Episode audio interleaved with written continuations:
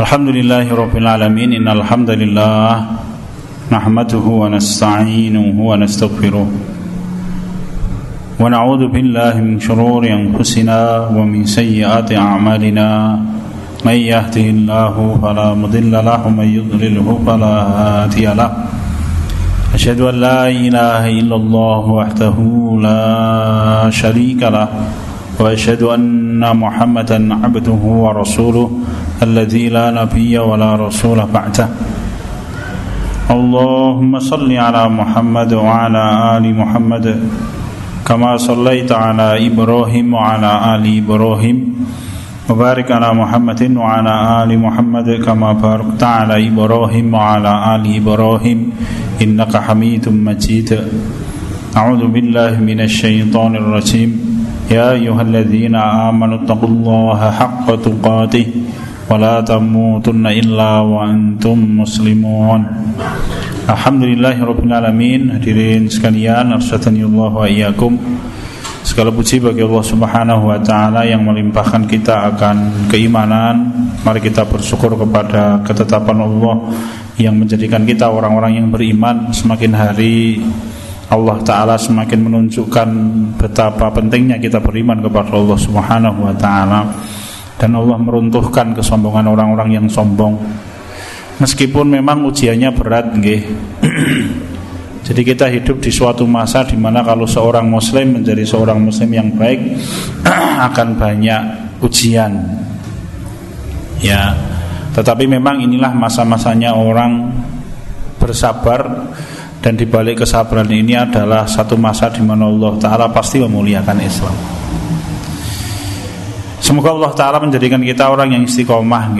Orang istiqomah peduli dengan Islam Peduli dengan nasib kaum muslimin Meskipun itu hanya satu buah musola Sing diubra-abrik misalkan Maka pedulilah. Karena itu bentuk dari keimanan kita kepada Allah Subhanahu wa Ta'ala.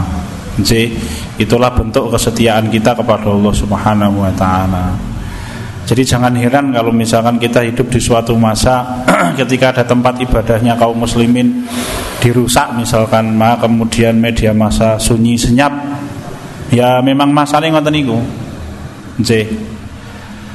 Jadi kita yang harusnya membangkitkan kepedulian diri kita dan kepedulian kaum muslimin.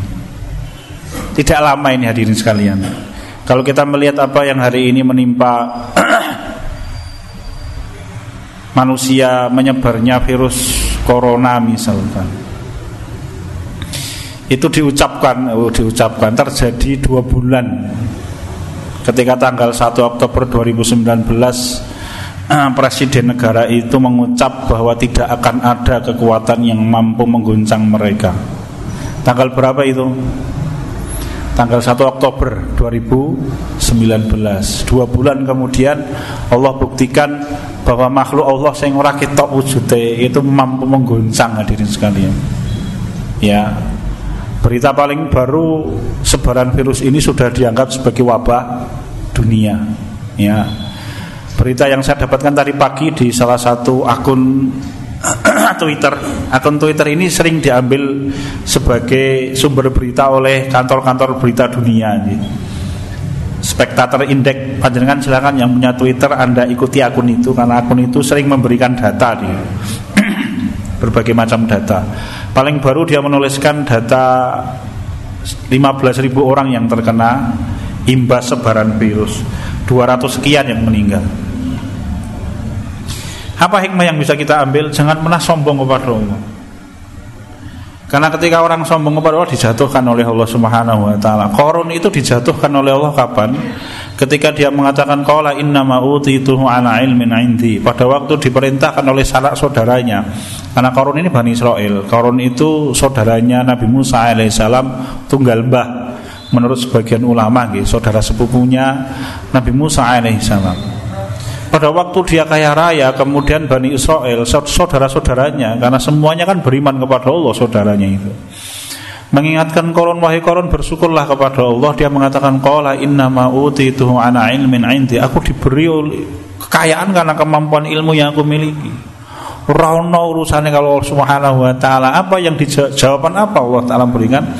Fa khasafna bihi wa bidarihil ardh maka aku tenggelamkan Fir'aun dan semua kekayaan istana yang dia miliki ke dalam perut bumi.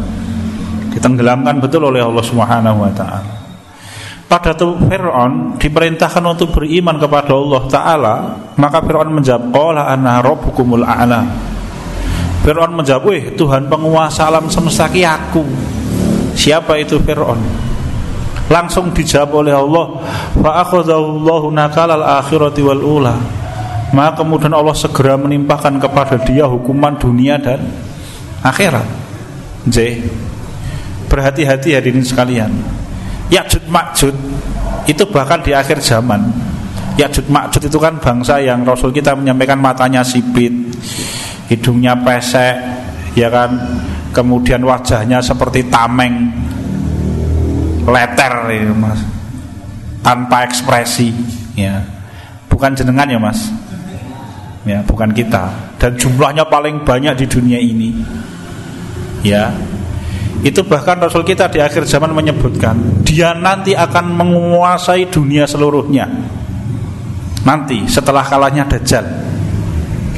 Jadi nanti Rasul kita menyampaikan Eropa ditaklukkan oleh kaum muslimin Kemudian Dajjal datang Dajjal dikalahkan oleh kaum muslimin. Tinggal ada dua kekuatan di dunia ini Yaitu kaum muslimin dan Ya'jud Ma'jud maka kemudian Allah waktu itu menetapkan Ya'jud Ma'jud untuk menguasai dunia sehingga kaum muslimin kemudian lari ke gunung-gunung. Ya. Lari ke gunung-gunung. Pada waktu mereka bisa menguasai hampir seluruh wilayahnya kaum muslimin Ya'jud Ma'jud ini kembali sombong seperti yang kita ceritakan tadi. Dia mengatakan seluruh penduduk dunia telah kita kalahkan. Tinggal penduduk langit yang belum kita kalahkan maka kemudian Ya'jud Ma'jud melemparkan kalau bahasanya Rasul anak panahnya mungkin kalau kita peluru dia tembakkan ke langit Ya, ada hadisnya Rasul kita menyampaikan begitu. Begitu peluru itu jatuh, begitu panah itu jatuh, maka di ujung panah itu ada darah. Dia mengira bahwa yang terkena itu adalah Allah penguasa alam semesta, maka no iso umprit dengan masing kenowi. Maka dia mengatakan kita telah menaklukkan penduduk langit. Wow, marah Allah Ta'ala. Maka Allah kirimkan doanya Nabi Isa alaihi salam. Yang begitu Nabi Isa berdoa maka di setiap tengkoknya Ya'jud Ma'jud sak ini muncul ulat. Jadi Ya'jud Ma'jud nanti dikalahkan oleh ulat Mas.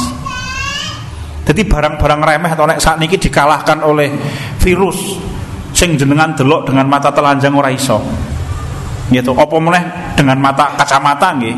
Mata telanjang aja tidak bisa kok apa mulai tutupi kacamata. Luwe ora kita meneh? Itu nanti akan dikalahkan di akhir zaman oleh Allah dengan doanya Nabi Isa alaihissalam kemudian Allah akan menumbuhkan di setiap tengkuknya Yajud Makjud itu ulat yang memakan tulang belulang mereka sampai akhirnya mati kabeh. Satu hari pet hilang. Entek mereka. Kemudian Allah akan menurunkan hujan yang sangat deras membersihkan muka bumi ini dari yakjud makjud begitu entek celing mengkilat bumi ini maka Allah akan menumbuhkan barokah di dunia ini sebagaimana ketika Nabi Adam alaihissalam menginjakkan kaki pertama kali. Tidak ada kemarahan tidak ada peperangan. Dunia akan memunculkan nikmat sebagaimana dulu ketika Allah Ta'ala memunculkan nikmat pertama kali dunia ini sok ning nomis urung saiki mas. Ya. Maka tugas kita apa hari ini? Sabar mas. Sabar itu jangan dikira sabar ini nek wong melaku kemudian apa jenenge sandali dicolong atau jamnya di oh, jam dompetnya dicopet kemudian wah aku sabar. Masa gawanan ngono. Jangan dimanai sabar itu kalau panjenengan bawa sepeda motor kemudian kuncinya didokokin neng stop kontak sisan BPKB ini karo STNK nih bukan begitu. Itu itu bukan wong sabar mas. Itu artinya colongan. Ya. Sabar itu apa tuh? Habsun nafsi anil wa tasakhut menjaga agar jiwa kita ini tidak pernah putus asa dengan semua takdir dan ajaran Allah. Wa habsul lisani dan menjaga agar lisan kita tidak berkeluh kesah. Walah. Dadi wong Islam barang. Walah dadak kon salat. Ah, jangan begitu wahabsul jawari ani taswis dan menjaga agar badan kita ini tidak melanggar aturan Allah. Kenapa? Karena akhir zaman itu Allah akan memaksa manusia percaya dengan Allah. Ya. akan dipaksa oleh Allah dengan keadaan cukup menarik saya itu bikin tulisan mas sekitar satu pekan yang lalu mungkin atau sepuluh hari yang lalu itu tentang judulnya Rasul bercerita tentang wabah penyakit di akhir zaman. Maka memang dua hadis itu. Anda bisa baca masih di apa Facebook saya ini. Saya bikin tulisan begitu itu. Kalau tulis kemudian saya sampaikan dua hadis sahih ya. Yang satu disahihkan oleh Syekh Al-Arnaud rahimahullah yang kedua disahihkan oleh Syekh Al Albani bercerita tentang wabah penyakit di akhir zaman. Itu yang membaca sampai 6 juta 200 ribu orang lebih mungkin dan kalau panjenengan membaca komentar yang memang ada komentar nek komentar wong deleheki ora apa-apa Mas jenenge ning media sosial ya serasa nesu jenengan dikira-kira iki rasane santai mawon jenenge media sosial nih Mas. Pak kita nek ketemu neng dalan jak gelut rawani wong biasanya Mas. Santai mawon kalau di media sosial. Kenapa? Karena memang semua orang bisa membaca. Tapi yang cukup menarik itu banyak anak-anak muda yang sebelumnya orang percaya dengan dino kiamat dipaksa percaya hari ini. Ketika ada wabah penyakit itu. Akhirnya cah nom nom itu nganggo jilbab jilbab ciput sing jilbab rambut itu terus tobat yo macam-macam bahasa nih. Panjenengan baca di komentarnya ini. Ya. Kenapa? Memang keadaan memaksa kita harus beriman kepada Allah. Bahkan cukup menarik ya, video yang sempat viral beberapa hari yang lalu itu bahkan ada seorang pejabat Cina itu yang menulis di akun dia, mari kita berdoa agar segera diangkat loh. Bayangkan mas, Wong saya kenal Allah Subhanahu wa taala ketika kepepet itu minta agar orang berdoa minta kepada Tuhan mengangkat masalah mereka. Ya, kenapa? Wong niku nak kepepet itu akan diingatkan bahwa Tuhan itu ada. Kita terus masih ingat ketika bencana alam dulu in Yogyakarta gempa itu. Wong sing cuak jeke urip urung tau tekbir, melu tekbir Mas. Allahu Akbar, Allahu Akbar, itu, Mas. Buat betulan. Ya, semua orang yang sepanjang hayat wis buah bulas ora gelem salat, kebak masjid wong kula ten Surya Wijane, wih masjid kok kebak telah kita meng tolong sasi, kula tasih kelingan Mas. Ya, hanya tiga bulan, saya hitungnya tiga bulan. Setelah itu mulai hilang jamaahnya. Tapi memang keadaan itu sebenarnya memaksa orang untuk beriman kepada Allah Subhanahu wa taala. Ah, akhir zaman itu memaksa kita untuk beriman harusnya loh nggih. Maka kalau ada orang kok di akhir zaman tidak beriman kepada pancen keterlaluan. Salah satu tanda akhir zaman yang hari ini panjenengan dapatkan apa Mas? Mati mendadak. Nggih. Kenapa? Karena akhir-akhir ini saya sering dapat berita yang saya kenal itu satu dari orang yang saya kenal itu dua, ada tiga orang. Belum lagi cerita-cerita dari orang yang saya hanya angin lalu cerita, wah, ini aku layak wong sing anu, macam-macam diri. Memang betul mati mendadak. Nggih. Telepon jam 11 malam, jam 12 malam mati. Satunya lagi telepon jam 11 awan, jam 12 awan mati kok. Ora tabrakan loh. Ya meninggal begitu saja, mati mendadak. Betul kata Rasul. Hadis sahih kan? Inna min asrati sa'ah di antara tanda kiamat Rasul kita menyampaikan awal kamakola salah satunya wal mautu hajatan. Di akhir zaman itu akan banyak orang mati mendadak. Jadi kalau badan kita sehat itu aja wah ora mungkin aku mati mendadak. Weh, mboten. Akhir zaman akan banyak orang mati mendadak. Justru biasanya sing umurnya rada dawa-dawa sing do kena stroke itu kita lah dawa-dawa umurnya Mas. Kenapa? Karena dengan sakit dia kalau dia sabar Allah akan menghapus kesalahan-kesalahannya. Justru orang-orang yang sehat-sehat itu yang harus berhati-hati. Apa hikmah yang diinginkan oleh Allah Ta'ala kepada kita Supados kulo panjangan sami siap-siap di akhir zaman nanti Rasul kita menyampaikan akan banyak orang yang mati disambar beledek. Ya. Sampai Rasul kita di dalam hadis itu orang bertanya, "Eh sapa ya sing sesuk disambar sapa ya?" gitu. Saking banyaknya, logikanya masuk toh Mas.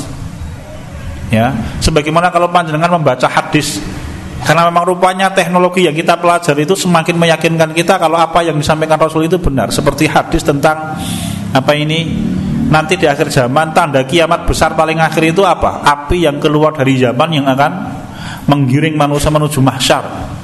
Itu kan tanda tanda kiamat besar paling akhir. Bumi ditenggelamkan, setelah bumi ditenggelamkan maka akan muncul api dari Yaman. Logikanya kayak mas. Saya baca salah satu tulisan ya ahli geologi kan menyampaikan di, di dalam hadis disebutkan kota Aden. Kota Aden itu kan kota yang dibangun di atas kawah gunung berapi terbesar di dunia. Yang para ahli menyampaikan kalau gunung itu meletus maka bumi akan terbelah jadi dua. Dan rupanya kota Aden itu kota yang memang letaknya di atas ya maka Rasul menyampaikan di akhir zaman nanti akan keluar api yang menyebar di seluruh penjuru dunia yang akan menggiring manusia menuju mahsyar. Masuk akal mas. Ya logis hari ini betul kata Rasul kita Muhammad SAW. Yang lain apa ya tadi? Kenapa kok di akhir zaman itu banyak wong kesabar bledek? Nek logika kita hari ini apa mas?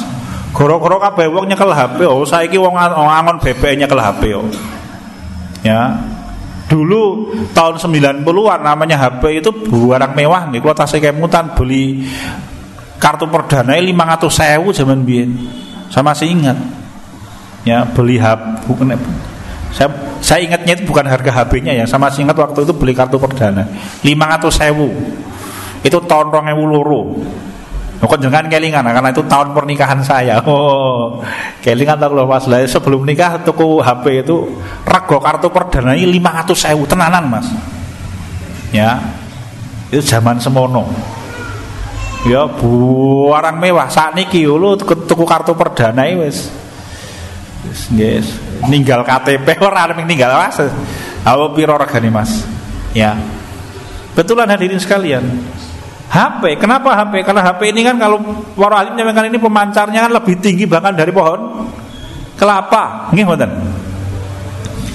Nah, wong lu naik dina intinya kalau HP sabar bledek dan Mas, maka banyak kan. Musim hujan itu biasanya begitu.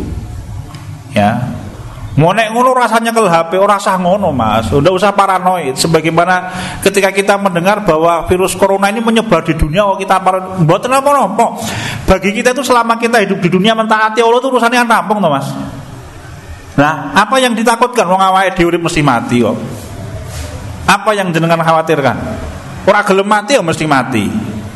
Ya, yang lebih penting itu bagaimana kita bersiap-siap bertemu dengan kematian. Itu titik yang lebih penting. Kan begitu hadirin. Oh kita itu bukan makhluk yang abadi.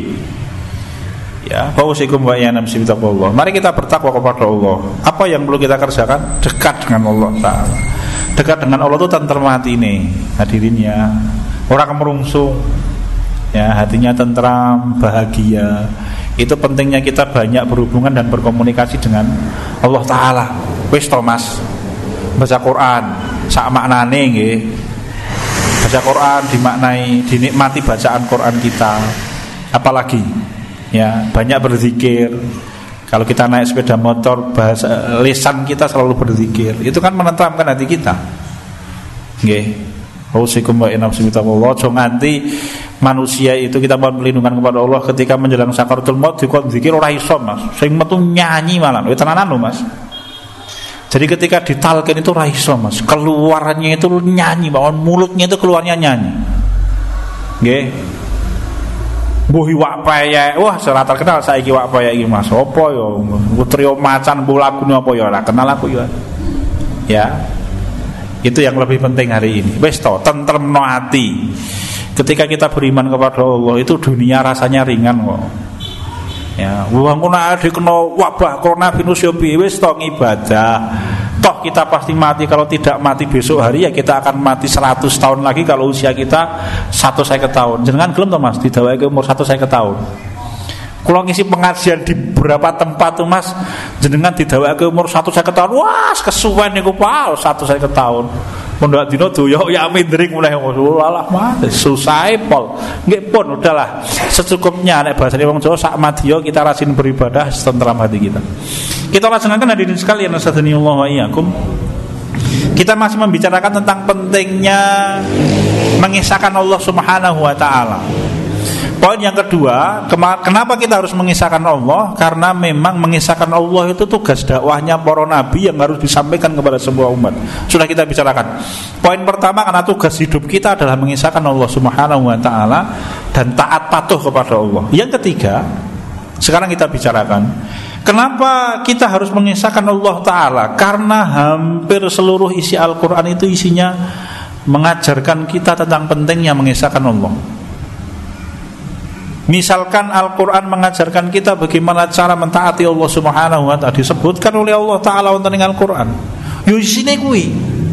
Ya, wa'budullah wa la tusyriku bi syai'in ibadailah Allah dan janganlah engkau sekutukan Allah dengan apa pun. Wa aqimus sholata wa atu zakat, tegakkanlah salat, tunaikanlah zakat. Ya, apalagi?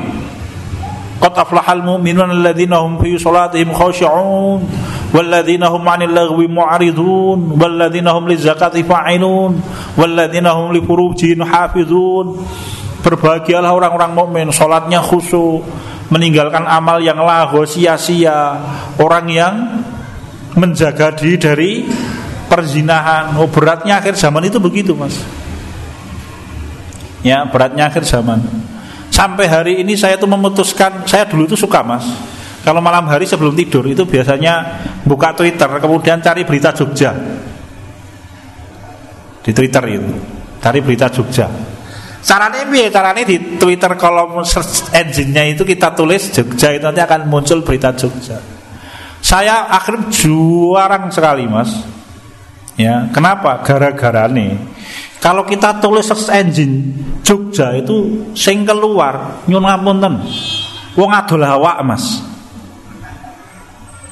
Jangan dicoba ya. Maka satu jarang membaca membaca golek search engine itu kenapa? Betulan mas Wong dodol awak sak fotone, sak nomor HP-ne, sak hotele, sak duite piro bayare. Ya, akhirnya saya jarang sekali sekarang buka tulisan cuma kalau sampean kan misalkan ada kita cari itu kan nanti berita bocah agido linggu-linggu neng titik nol ya kan dia bikin status di twitternya kan atau gambare seneng gitu loh mas kita ada di kamar saya tapi kita tahu berita Jogja waktu itu Ming goro-goro kuwi terus jarang saya nulis cari berita Jogja ini. Jadi kan saya saya merasakan asik toh mas. Jadi sebelum tidur kamar gelap, lalu kita di kamar kita, tapi kita tahu orang sedang apa ya tuh. Ono sing lagi nglatik neng nanti gue neng pelengkung gading misalkan dia moto ada sedang di mana ini tugu tengah-tengah kan? Lang dia bikin status. Seneng kali mas kita weh doa gini kono beritanya begini begini begini. Kadang kala kita dapat berita baru 23 detik misalkan lu oh, koncoku dibacok neng kono kan? Bisa kita baca itu? Ming goro-goro betulan sampai hari ini masih. Maka saya enggan hari ini ya maka lo masih kepengen saja nih kepengen tahu kayak berita Jogja apa ya hari ini misalnya Goro-goro ya saya jarang terusan nek buka Twitter masih tapi tidak pernah saya jarang saya buka cerita berita tentang Jogja ini. Gara-gara itu. Ya. Mari kita jaga diri kita hadirin sekalian nasadhanillah wa Ya, hausikum wa Yang kedua, Al-Qur'an itu menceritakan kisah tentang orang-orang yang mentauhidkan Allah. Mbuh para nabi, mbuh para rasul, yang 25 orang meskipun di dalam Quran itu sebagian ulama mengatakan lebih dari 25 orang ya saya kurang tahu saya belum pernah mendapatkan hadis Rasul kita menyebutkan Rasul itu Nabi itu Nabi Adam, Nabi Nuh, Nabi Idris diurut ke saya belum pernah dapat riwayatnya hadis sehingga kalau ada orang yang mengatakan Nabi itu yang kita kenal 25 orang namanya itu ya itu yang menyebar di kalangan kita lah. Tapi kan banyak ulama yang mengatakan kayak Zulkarnain itu nabi. Ya. Misalkan Zulkarnain. Atau kemudian ada yang mengatakan Khidir alaihi salam itu nabi, ada yang mengatakan bukan nabi. Ada yang mengatakan Luqman itu nabi, ada yang mengatakan bukan nabi. Tapi intinya kisah orang-orang yang mentauhidkan Allah di dalam Al-Qur'an. Entah itu umat-umatnya para nabi yang setia dengan nabi, misalkan Hawariyun. Ya, orang-orang yang setia dengan Nabi Isa alaihissalam cukup menarik ya. Hawariyun itu jumlahnya berapa? Jumlahnya ada sebagian ulama yang mengatakan 12, ada yang mengatakan 17. Kalau Nabi Muhammad itu pengikut setianya berapa? 104 ribu orang Dengan kualitas iman level 1 kalau bahasa kita mas. Laki atau perempuan. Bahkan di antara mereka yang sekedar ngaji satu bulan dengan Rasul itu hasil didikan Nabi Muhammad memang top markotop nih awal mas. Ya luar biasa. 104 ribu orang manusia itu. Diceritakan. Hawariyunnya Nabi Isa alaihissalam ya, itu dikisahkan oleh Imam Ibnu Katsir rahimahullah pada waktu Nabi Isa alaihissalam dikepung oleh orang-orang Yahudi. Ya. Waqala al-hawariyuna nahnu ansarullahi amana billahi wa bi anna muslimun. Dan Hawariyun pengikut setianya Nabi Nabi Isa alaihissalam mengatakan kami adalah penolong agama Allah dan saksikanlah bahwa kami adalah kaum muslimin. Ya. Jadi Nabi Isa alaihissalam menyampaikan kepada pengikutnya siapa di antara kalian yang mau Allah serupakan denganku maka dia nanti akan menjadi teman setiaku di surga disejajarkan oleh Allah. 17 orang atau 12 orang tidak ada yang ngatung kecuali satu anak muda yang paling muda. Jadi di antara pengikutnya Nabi Isa itu ada seorang anak muda yang usianya paling muda di antara mereka yang mengatung saya ya Rasulullah yang akan menggantikan panjenengan. Beda ya kalau ceritanya orang-orang yang disalib itu kan kalau ceritanya yang berkembang adalah pengkhianat gitu. Kalau menurut para ulama bukan, justru yang disalib itu adalah orang yang paling setia dengan Nabi Isa alaihissalam. Nabi Isa tidak mau, kenapa? Karena Nabi Isa ini tahu anak muda, nek bahasa kita ya umurnya sih dowo. Dia masih punya harapan untuk melanjutkan dakwah beliau. Maka Nabi Isa alaihissalam mengulangi sekali lagi apa ada di antara kalian yang mau diserupakan oleh Allah denganku? maka dia nanti akan menduduki akan sejajar denganku di surga. Tidak ada yang ngantung kecuali satu anak muda ini. Dia mengatakan saya ya Nabi Allah. Nabi Isa tidak mau. Isa nomi. Diulangi lagi Nabi Isa sama apakah ada di antara kalian yang mau diserupakan oleh Allah denganku? Maka dia nanti akan menjadi temanku sejajar dengan Nabi Isa di surga. Maka kembali anak muda itu yang ngadong Saya ya Nabi Allah. Akhirnya setelah tiga kali Anak muda itu yang diserupakan nama Allah Isa yang diangkat oleh Allah ke langit Dan diletakkan di langit kedua. Maka Nabi kita ketika Mi'raj bertemu dengan Nabi Isa di langit kedua.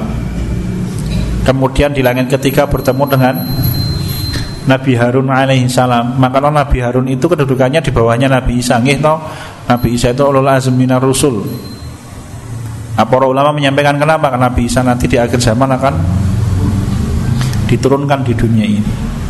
Jadi, kemudian anak muda itu diserupakan oleh Allah dengan Nabi Isa dan dialah yang disalib dan disiksa.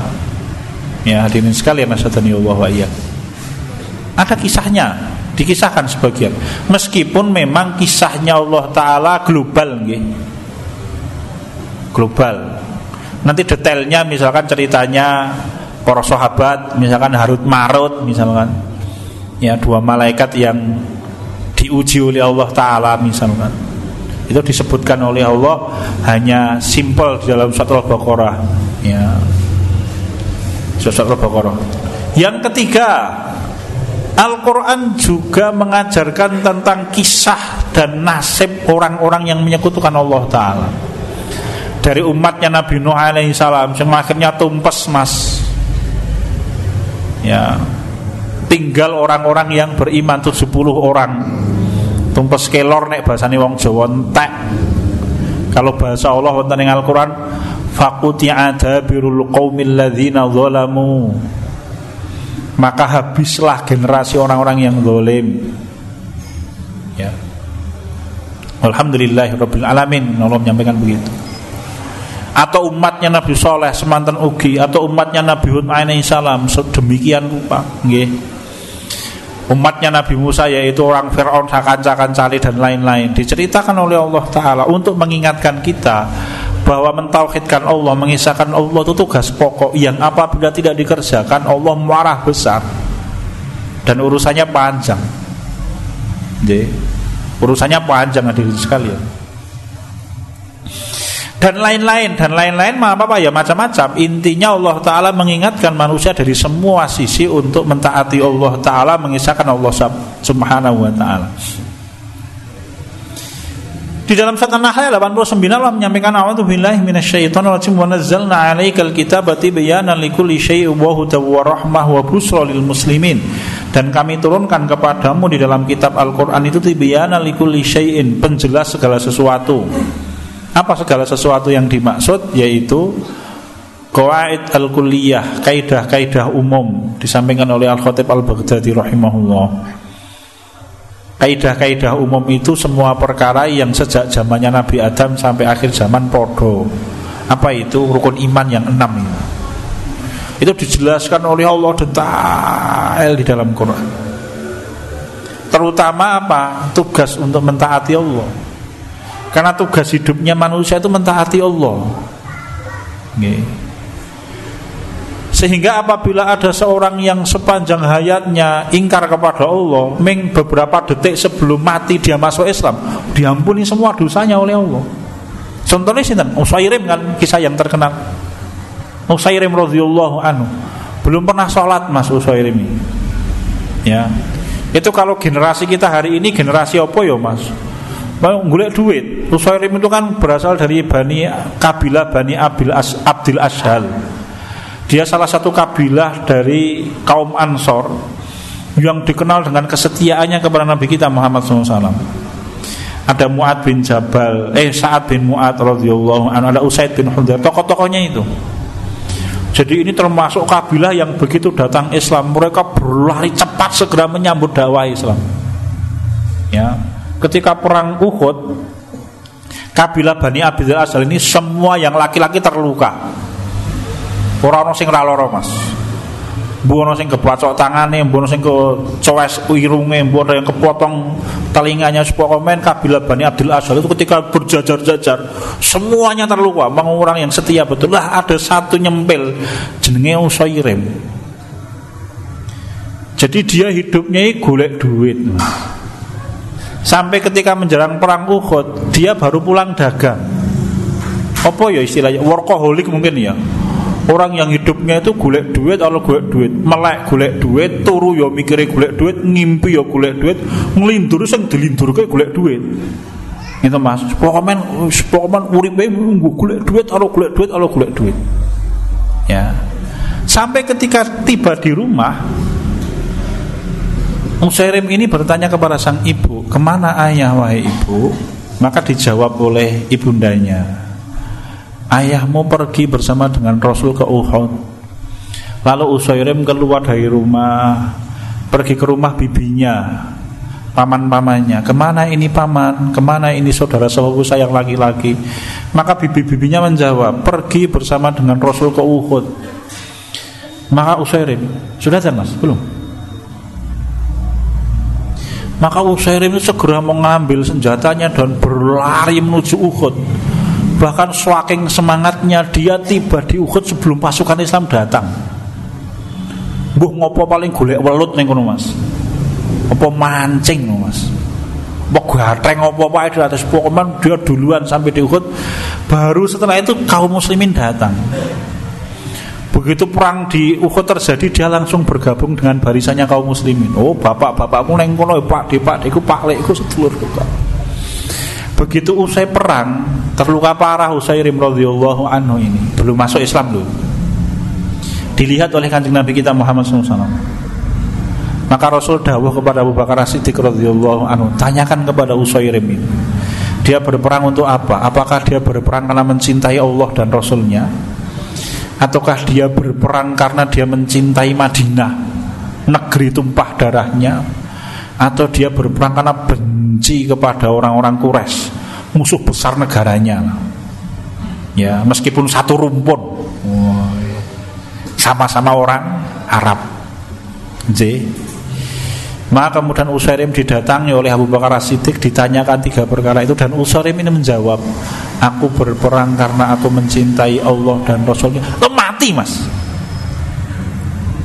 Apa kata Abu Hurairah radhiyallahu anhu belum menyampaikan sungguh aku mendengar bahwa Usairim ini kata Rasul dia penghuni surga meskipun dia belum pernah sholat sekali di dalam hidupnya. Nggih. Orang tahu sholat belum Mas? Pisan nih. Sebelum mati dia mengucapkan aku mencintai Allah dan Rasulnya. Blak sedo terus aku. Ya, Kau sih kembali. Kenapa? Karena berarti sisa hidupnya itu dia pakai untuk setia kepada Allah diterima oleh Allah. Karena Tuhan kita penguasa alam semesta ini tidak rumit.